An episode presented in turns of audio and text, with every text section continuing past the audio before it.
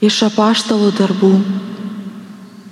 Saulis, tebelsuodamas grasinimais ir žudynėmis prieš viešpaties mokinius, nuvyko pas vyriausiai kunigą ir išgavo raštus Damasko sinagogoms, kad užtikęs to kelio sekėjus vyrus ir moteris galėtų juos suiminėti ir gabenti į Jeruzalę.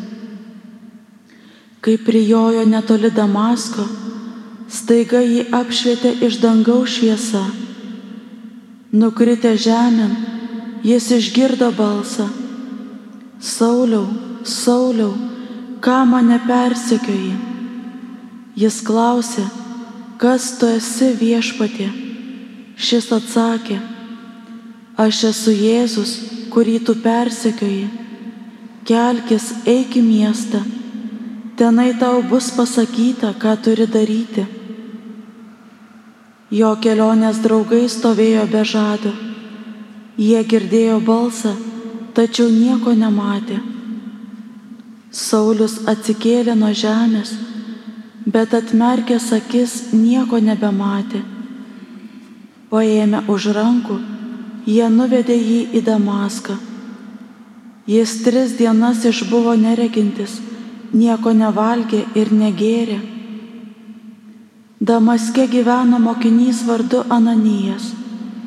Jam apsireiškęs viešpats prabilo, Ananijau.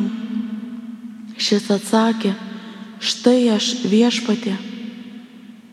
Viešpats tęsė, nueik į gatvę vadinamą tiesiają ir judo namuose teiraukis tarsiečio vardu Sauliaus Štai jisai melčiasi ir regėjime pamatė vyrą vardu Ananiją, ateinantį ir uždedantį ant jo rankas, kad praregėtų. Ananijas atsakė, viešpatė, iš daugelio esu girdėjęs apie tą žmogų, kiek piktą jis yra padaręs tavo šventiesiems Jeruzalėje. Ir čia jis turi aukštųjų kunigų įgaliojimus suminėti visus, kurie šaukėsi tavojo vardo. Viešpats jam tarė, eik, nes jis yra mano rinktinis įrankis, kuris neš mano vardą tautoms, karaliams ir Izraelio vaikams. Aš jam parodysiu, kiek daug jam teks iškentėti dėl mano vardo. Taigi Ananijas nuėjo į tuos namus, uždėjo ant Sauliaus rankas ir tarė, broli Sauliau, viešpats Jėzus, kuris tau apsireiškė kelyje, atsintė mane, kad tu vėl regėtum ir taptum pilna šventosios dvasios. Ir bematant jam nuo akių, lyg žvinai nukrito. Jis atgavo regėjimą ir priėmė krikštą. Paskui užvalgęs įgyjo jėgų.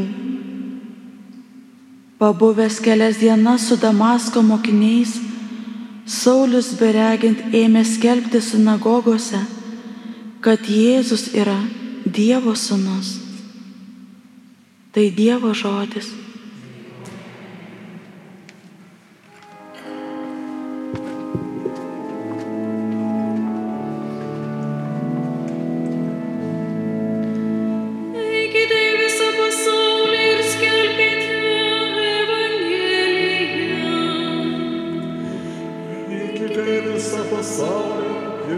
you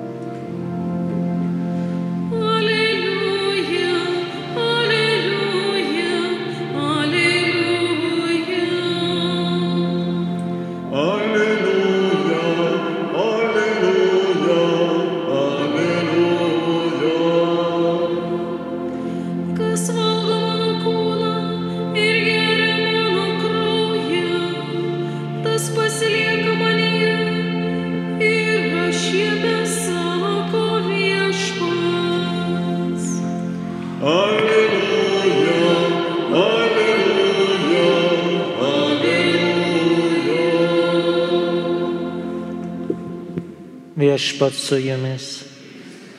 Pasiklausykite Šventojios Evangelijos pagal Joną. Žydai ėmė tarp savęs ginčytis ir klausinėti, kaip jis gali mums duoti valgyti savo kūną. O Jėzus jiems kalbėjo, iš tiesų, iš tiesų sakau jums, jei nevalgysite žmogaus sūnaus kūno ir negersite jo kraujo, neturėsite savyje gyvybės. Kas valgo mano kūną ir geria mano kraują, tas turi amžinai gyvenimą ir aš jį prikelsiu paskutinėje dieną. Mano kūnas tikrai yra valgis ir mano kraujas tikrai yra gėrimas. Kas valgo mano kūną ir geria mano kraują, tas pasilieka manyje ir aš jame. Kaip mane yra siuntęs gyvasis tėvas ir aš gyvenu per tėvą, taip ir tas, kuris mane valgo, gyvens per mane. Štai duona nušengus iš dangaus, ji netokia, kokią protėvi valgė ir mirė. Kas valgo šią duoną, gyvens per amžius. Visą tai jis paskelbė, mokydamas Kafarnaumo sinagogoje. Girdėjote viešpatę žodį. Visą šią savaitę Kiekvieną dieną girdėjome ištraukas iš Evangelijos pagal Joną šeštojo skyriaus, kur buvo kalbama apie duoną nužengusią iš dangaus. Ir šiandien girdime, kaip viešpats įsakmei ir, ir užtvirtintai daugel kartų pakartoja tą patį, kad mano kūnas tikrai yra valgis ir mano kraujas yra gėrimas ir kas valgo mano kūną ir geria mano kraują, gyvens per amžius. Tai yra viešpats nepalieka ne jokios abejonės, kad čia gal simboliškai kalbėjo ar kokia perkeltinė prasme. Viešpats tikrai tą mums įsakmei nurodė, kad jo kūnas ir kraujas yra mums paliktas kaip gyvenimo laidas, kaip kaip amžinasis gyvenimas. Valgydami Kristaus kūną ir gerdami jo kraują, mes esame gyvi jame. Kažkada dar, dar kai nebuvau kunigas, nei klierikas, teko dalyvauti tokiam renginyje, kaip panašiai kaip išgydymo pamaldos, tai yra buvo pradžioje misionieriai ten liūdėjo, kalbėjo, meldėsi už kitus, o paskui buvo šventosios mišios. Ir mišių pabaigoje, prieš palaiminimą, tas vienas iš misionierių buvo kunigas, taigi jisai paklausė, sako, kurie, kurie šiandien čia matėte stebuklą. Tik tai keletas žmonių pakėlė rankas Ne, nei aš nepakėliau tame tarpe. Tai sako, tas kunigas sako, stebuklą matėme visi, nes per mišes duona ir vynas virto Kristaus kūnu ir krauju. Tai yra pats didžiausias stebuklas, kuris atsitinka kiekvienose mišiuose. Kristus ateina į mūsų tarpą, Kristus ateina, kad mus išklausytų, pamaitintų kad mūsų užtartų tėvo akivaizdoje. Turbūt didesnio stebuklo ir negali būti. Mes kaip žmonės norime aišku tų regimų, apčiuopiamų dalykų, tokia žmogaus prigimtis. Kaip, kaip Evangelijoje Jėzus sako, kol nepamatysit ženklų ir stebuklų, jūs netikėsite.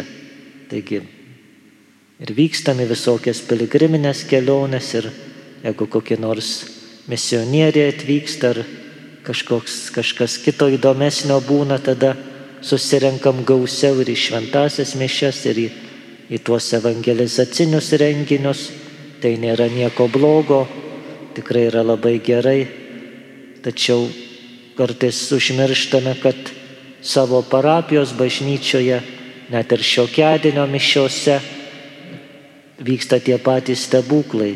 Tai yra Kristus ateina į mūsų tarpą.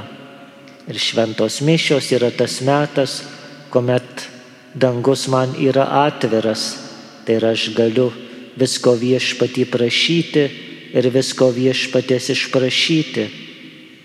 Labai gal taip klaidingai yra įprasta, gal nuo senų laikų čia, kad šventos mišios, jeigu me už kažką, tai dažniausiai užmirusius.